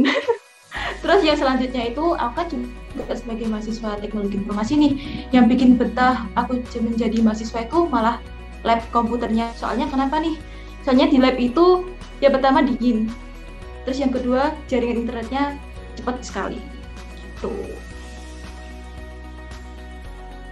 Wifi-nya ini uh, terpercaya ya, trusted, bisa dibilang nggak nge-lag, nggak TI nih. gimana-gimana gitu. Jadi aman. Jadi insya Allah jaring masalah jaringan di PNM mah nggak usah khawatir ya teman-teman maba nanti. Dari Mbak Anggun gimana? Apa yang bikin betah? Oke, kalau dari aku pribadi tuh bener sih kata Mas Farizal itu yang bikin betah itu adalah SDM-nya gitu. Soalnya kenapa? Soalnya kan percuma kan kalau kita nikmati fasilitas di kampus kayak misalkan perpus contohnya perpus atau eh, ruang lab komputer, tapi kalau nggak ada temen sendirian aja ya segitu aja itu pasti kayak bosen ah ngapain juga di kampus sendirian ya gitu kan kecuali kalau kita kumpul bareng nih sama teman mau dari pagi sampai sore itu pasti betah gitu soalnya kenapa kan kita dari eh, jurusan kompak kan anu kan apa namanya eh, cewek semua isinya. Jadi kebanyakan kan kalau udah kumpul udah pasti eh, gibah kan udah pasti kayak gibah kan. Nama juga gibah kan biasanya betah dari pagi sampai sore atau sampai terus pun nggak apa-apa pasti itu betah banget sih kalau di kampus. Gitu. Oke, aku jadi agak kangen, eh bukan kangen ya, tapi karena aku juga maba ya. Jadi bilang pengen lah, pengen ngerasain kayak gimana sih kehidupan perkuliahan offline di PNM. Karena tadi udah dengar cerita dari Mas Mbak semua yang ngebilang kalau tempatnya asik, kemudian ngumpul di gazebo dan sebagainya. Kayak, jadi saya ngebayangin gitu, gimana ya kira-kira asiknya ke kantin bareng, kemudian eh, pulang ngampus kita nongkrong di mana, abis itu nugas bareng, kertok bareng, tuh kayaknya asik banget ya. Semoga pandemi ini segera mereda jadi kita bisa deh uh, nantinya offline nggak nggak jadi generasi bahasanya itu nggak nggak jadi generasi ngendok atau bisa dibilang generasi yang kita kuliah dari rumah aja agak susah pastinya buat praktikum dan lain sebagainya dari Mas Farhan nih gimana kalau gitu Mas Farhan apa yang bikin betah Kalau aku Halo? Eh, kalau aku ya, kalau aku yang bikin betah itu setuju sama Mas Farisal SDM-nya. Ya teman-temannya sih banyak, teman-teman apalagi dari mesin ya. Mesin kan suka kumpul-kumpul gitu. Kalau habis kuliah atau apa? Habis mata kuliah itu biasanya kumpul di gazebo di kantin. Terus oh ya fasilitas. Oke, di fasilitas di mesin enaknya itu di sekre. Di sekre. Nah, biasanya di sekre itu jadi tempat eh, ngumpulnya anak-anak. Eh, nggak nggak nggak cuma cewek aja sih yang suka gibah, cowok pun suka gibah juga. Kadang dari teman-teman itu uh, sering ngobrol masalah masalah kampus lah masalah uh, negara. Pokoknya uh, enaknya di situ yang bikin betah di situ. Terus apa lagi ya? Untuk masalah baca cantik ataupun cowok-cowoknya itu memang ya uh, saya udah udah nyantol satu sama saya. Waduh waduh. Aduh ini jadi maba-maba yang kayaknya uh, sempat ngefans sama Mas Farhan jadi terpatahkan ini hatinya ya karena nggak bisa udah ada pemiliknya ini. Mohon maaf ya teman-teman maba semua. Jadi udah hilang satu di stoknya. Uh, tadi juga apa ya aku mau ngobrol oh ya terkait cowok-cowok. Bener juga sih cowok-cowok kalau udah ngumpul ngomonginnya ngomongin sampai mana aja gitu. Ngomongin negara permasalahan bangsa ini itu ini itu gitu. Kalau cewek biasanya satu orang fokus ngebahas itu fokus ngulik dia ngapain dia siapa masalahnya apa gitu. Dia lah cewek kan emang kayak gitu ya. Oke last but not nih dari Mas Dimas gimana? Apa sih yang bikin betah di PNM Oke, kalau aku sama seperti Farizal tadi, SDM itu jelas yang bikin betah itu uh, karena dari prodi bahasa Inggris sama prodi adbis adbis itu cantik-cantik ganteng-ganteng semua ya kan? Anaknya uh, friendly semua dan terkait fasilitas mungkin kalau dari aku pribadi mungkin beda sama teman-teman ya. Yang pertama itu pasti wifi wifi wifi-nya ya lumayan lah lumayan kenceng bisa buat youtubean dan sebagainya nyantai. Kemudian satu fasilitas satu fasilitas fasilitas lagi yang bikin aku betah itu AC karena di setiap ruangan pasti ada AC ya. Di mana kalau misal ada AC terus nanti misal ada jam kos ataupun misal udah selesai matkulnya pasti aku sama temen-temen itu nggak buru-buru pulang. Tapi stay dulu di kelas tersebut kita ngadem dulu sama ngobrol santai gitu. Bahkan terkadang aku sering dulu mungkin Mas Farizal tahu ya sering bawa gitar ke kampus. Jadi ibarat kalau udah waktunya kosong waktunya matkul selesai itu pasti di dalam kelas nyana di polin sambil musikan gitaran gitu sama teman-teman nyanyi-nyanyi. Itu yang bikin kangen sih dan bikin betah setiap harinya. Kalau dari aku itu Oke, uh, dari penjelasan tadi sih bener-bener bikin aku kayak berharap nih bisa ya angkatan saya gitu. Akhirnya full kuliah offline. Karena kita kerasa banget apalagi sebagai ormawa ya saya kan juga anggota dari BEM.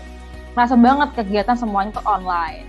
Nggak bisa maksimal. Ya walaupun memang bisa hemat mungkin ya dari segi tenaga dan biaya tapi esensinya tuh jadi nggak dapet gitu. Kita mau ngadain webinar seminar emang ini jadi nggak dapet kan jadi susah. Mungkin semoga tahun depan bisa offline deh full offline gitu. Biar ya kembali seperti semula. Oke pertanyaan selanjutnya. Ini aja dari Mas Rengga. Nggak mas sih karena saya nggak ngalamin saya cowok ya gimana maka saya bilang mas gitu aja. Dari Rengga dot pertanyaannya ini.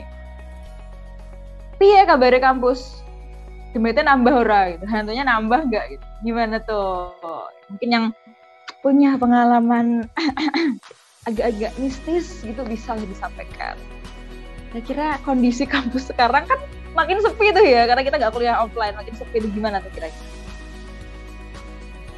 Kalau pengalaman mistis sih ya ya salah ya wajar lah. Kan setiap orang juga beda-beda nih kalau hantunya nambah atau enggak tuh kayaknya berkurang sih. Soalnya pada kena covid semua. Mungkin habis semua. Waduh hantu ternyata juga nggak punya antibody ya. Dia juga butuh divaksin. Gitu ya. jadi kalau masuk PNM harus juga surat vaksin. Vaksinnya di mana nggak tahu juga sih kayaknya. Oke dari lainnya gimana mas mbak? Yang di kampus dua mungkin. Katanya kan agak-agak suram. Gitu siapa tahu ada yang punya pengalaman mistis di sana. Boleh juga nggak kalau mau di ya aku izin ya share pengalaman okay. mistis. Bukan aku sih yang ngalamin temanku tapi temanku beda kelas gitu. Tapi seangkatan uh, dulu mohon maaf ada yang sempat kemasukan juga sih gitu katanya. Ya nggak ngamuk-ngamuk nggak cuman ya agak lenglong gitu melongo dan lain sebagainya gitu di, di kelas. Dan kata dosen aku aku nggak nyebut nama yang bisa ibarat apa ya bisa ngeliat lah ya yang punya lebihan atau indera keenam itu pokoknya itu katanya emang iya bener ada. Setiap kelas itu maksudnya setiap ada matkul itu kayak menggoda gitu loh. Menggoda dalam artian apa ya kayak sering muncul sliver-sliver gitu kata dosen aku tadi. Wow. tapi itu mungkin ya untuk menarik ini aja ya Mas Farizal ya. Menarik perhatian aja sih nggak nggak selebihnya nggak ganggu Oh, caper, hantunya Ya, caper gitu. nggak sampai kayak menyebabkan apa ya fisik atau apa Rusuh. gitu nggak nggak. Cuman mungkin uh, sekedar cari perhatian aja sih. Itu di kampus dua numpang nampang mungkin gitu ya. Karena dia bingung nih tempat tinggalnya mau di mana. Jadi ya udah deh setelah keluar itu aja gitu mumpung rame pengen ada temennya. Di Ya. Mas Balainya ada yang mau cerita memberikan jawabannya? Hantunya nambah gak nih? Datanya nambah gak nih? Hantu-hantunya apa aja? Ada yang mau jawab mungkin? Aku mau cerita nih tentang gedung kompak. oke boleh boleh. Kalau tentang gedung kompak ya hantunya tuh ada apa enggak? Itu pasti kalau dibilang di setiap tempat itu pasti ada ada penunggunya ya. Tapi kalau di gedung kompak itu aku nggak perlu nyebutin ya dia tuh ada di lantai berapa atau dia itu namanya siapa. Kita mungkin dari mahasiswa dari gedung kompak itu pasti udah kenal dia tuh siapa, dia tuh ada di lantai berapa. Jadi ada ada di salah satu lantai di gedung kompak itu tuh dia tuh anak kecil dan itu namanya udah terkenal itu di di seluruh mahasiswa jurusan kompak itu terkenal udah namanya udah terkenal ya gitu jadi jadi itu gini dulu waktu eh, masih gedungnya kan masih baru ya waktu aku masih kelas eh masih maba semester 1 nah jadi kan itu kan gedungnya masih baru. Jadi sama Pak Satpam itu juga untuk seluruh mahasiswa kompak itu kalau kalau waktunya matkul itu nggak boleh melebihi dari jam jam 8 ataupun maghrib. Maghrib itu juga nggak boleh melebihi aslinya. Tapi tuh dulu kita tuh pernah ada matkul bukan aku sih tapi eh, temanku temanku tuh pernah ada matkul tuh sampai maghrib. Jadi dia tuh pulangnya maghrib habis itu katanya sih dia tuh juga bisa lihat sih tapi aku yang nggak tahu juga. Dia tuh kayak digangguin gitu sama anak kecil itu. Soalnya anak kecil tuh suka banget gangguin ke ke mahasiswa kompak gitu kayak suka banget gangguin kayak gitu. Akhirnya katanya sih dia tuh ya kesurupan gitu sih tapi habis itu ya di- udah ditangani sama banyak orang juga gitu. Intinya ada sih di gedung kompleks anak kecil kok anak kecil. Namanya nggak usah saya sebutin ya. Jangan deh jangan deh. Takutnya kenapa-napa nanti.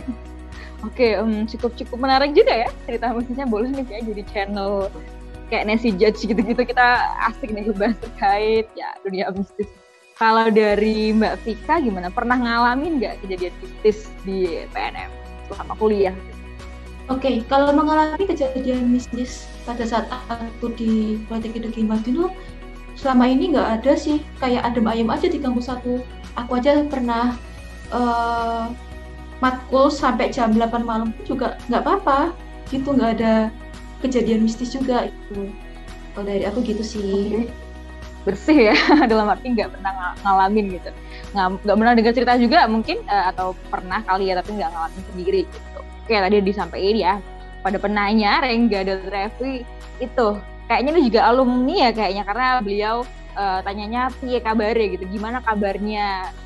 Fokusnya ke hantu. Kabarnya nggak fokus ke ke atas pendidikan tapi fokusnya ke hantu. Nih gimana?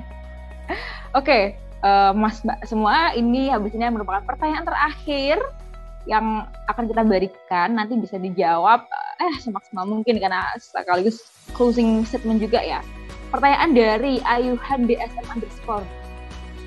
Alasan apa sih eh, kita itu harus ikut Ormawa? Kenapa sih kalau kita tuh harus ikut Ormawa? Itu bisa dijelaskan urut dari Mas Farizal dulu nih. Oke. Kenapa sih aku ikut Ormawa kan alasannya ikut Ormawa.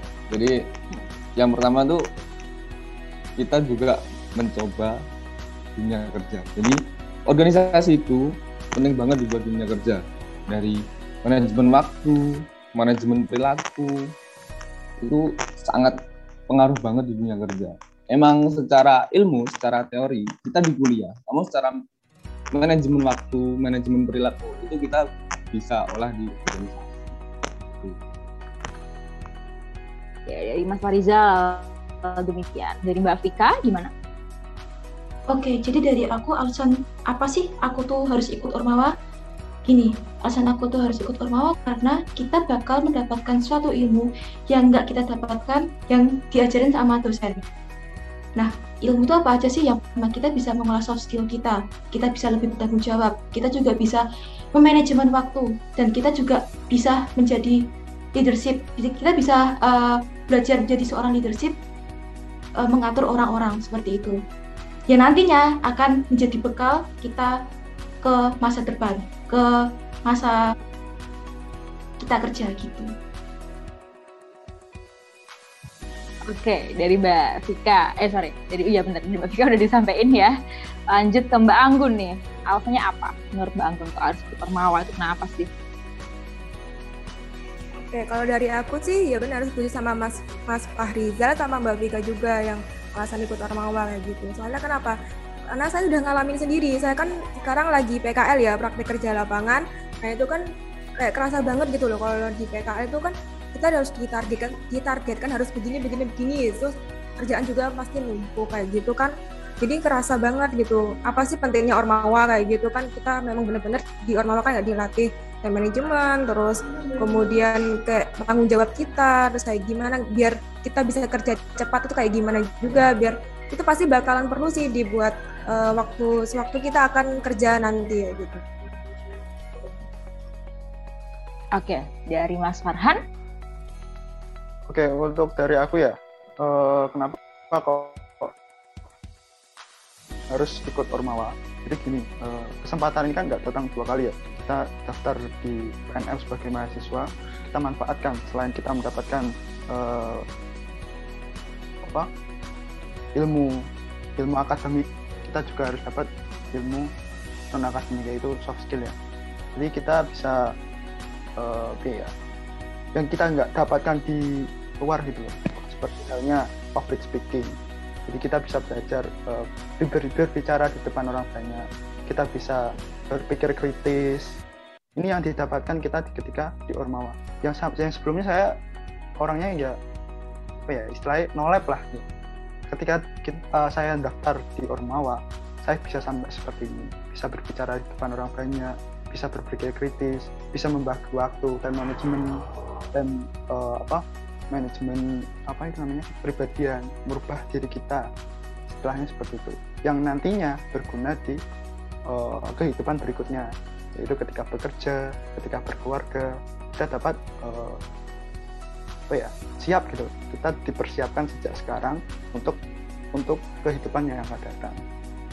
Jadi, selain kita uh, mendapatkan ilmu akademik di kuliahnya kita dapatkan pengalaman-pengalaman dalam bidang uh, yang ditampu kita juga dapat soft skill. Dari aku sih seperti itu. Oke dari uh, Mas Farhan demikian ya dari Mas Dimas nih yang terakhir nih gimana Mas Dimas alasannya itu apa sih kenapa harus Ormawa oke okay. uh, kalau ada kalau ada alasan kalau ada pertanyaan alasan kenapa harus ikut Ormawa itu pastinya Ormawa itu sangat penting ya teman-teman. Karena apa? Secara nggak langsung ketika kalian udah join di organisasi, terutama di dunia kuliah ya, itu kayak ibarat apa ya, preparing for the real life on the future gitu loh. Kayak itu bakal berguna banget untuk menyiapin kalian untuk menghadapi dunia nyata gitu di masa depan kalian nanti. Dan pasti benefitnya banyak banget. Sumpah aku berani, aku berani jamin. Sebab apa? Dulu ketika aku sedikit uh, cerita ya teman-teman. Dulu ketika aku di SLTA khususnya di SMK itu aku juga join di beberapa organisasi entah itu pramuka, OSIS, uh, eh, MPK dan lain sebagainya itu benar-benar aku rasain ketika aku kuliah ini. Jadi barat dulu apa yang aku ketika di SMK kemarin itu benar-benar aku rasain ketika aku join di Ormawa di PNM ini di kuliah. Nah, sama artinya ketika nanti kita menanam atau kita uh, berusaha untuk mengikuti Ormawa di PNM, itu pastinya nanti kalian akan mendapatkan output yang akan kalian rasakan ketika life nanti, baik itu dari uh, apa ya time management, terus kemudian leadership, kemudian work team, kerjasama tim itu, kemudian mungkin dari kepedian kalian, public speaking depan umum, cara kalian menghandle suatu masalah, menghandle suatu tim, terus kemudian uh, bagaimana cara berinteraksi dengan orang baru itu pasti semua kalian dapat ketika kalian join di suatu organisasi. Jadi menurut aku penting penting banget kalau bisa diwajibin deh seluruh mahasiswa itu ikut ormawa gitu biar apa ya outputnya dapat gitulah. Jadi ibarat kalau kalian ikut uh, ormawa pasti akan dapat apa yang kalian inginkan gitu. Dan pasti kalian akan kasarannya one step ahead dibanding teman-teman kalian yang sekiranya itu nggak ikut organisasi. Percaya deh, percaya statement ini kalian buktikan sama teman-temanmu yang ada di kelas ataupun yang lainnya pokok nanti kalian ketika join di organisasi coba bandingin sama temenmu yang di kelasmu mungkin enggak organisasi pasti kamu lebih selangkah lebih maju kalau dari aku sih pengalaman pribadi itu selangkah lebih maju dan pastinya apa yang kita tuai eh apa yang kita tanam pasti akan kita raih gitu. Jadi penting banget ya teman-teman. Oke luar biasa. Saya juga setuju semua sama statementnya Mas Mbak semua di sini. Karena kalau bicara terkait alasan Ormawa itu ya nggak terlepas dari manfaatnya apa gitu.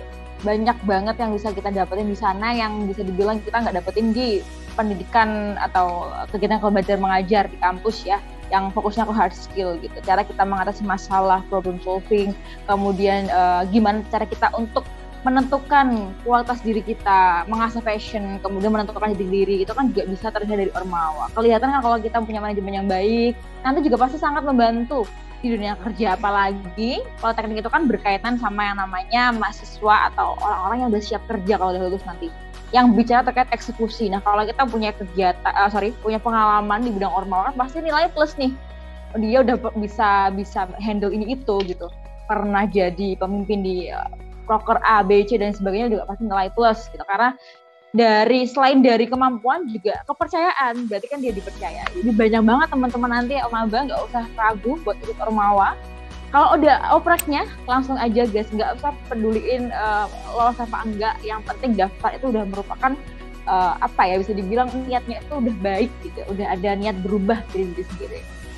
Oke, jadi teman-teman semua, pemirsa yang nonton, sobat Garda semua, itu tadi merupakan pertanyaan terakhir pada episode podcast kali ini. Saya mau ngucapin terima kasih banyak kepada narasumber kita yang keren-keren banget, yang inspiratif ini dari ada dari pihak BEM, DPM, HMJ, AB, HMJ, KA dan HMJT yang udah meluangkan waktunya di hari libur ini ya hari Minggu kita uh, take-nya FYI teman-teman semua gitu demi buat mahasiswa baru Politeknik Negeri Madin biar mereka tahu. Karena saya pengalaman juga dulu pas jadi maba tuh nyari-nyari info tuh di YouTube. Tapi sedikit banget yang ada gitu jadi kan saya bingung ya dapat info dari mana karena nggak semua saya kenal uh, anak-anak PNM alhamdulillahnya semoga dengan podcast ini bisa ngebantu teman-teman maba nanti untuk dapat info lebih lagi terkait PNM dan ditunggu ya episode selanjutnya. Stay tune terus di Instagram BMKPNM.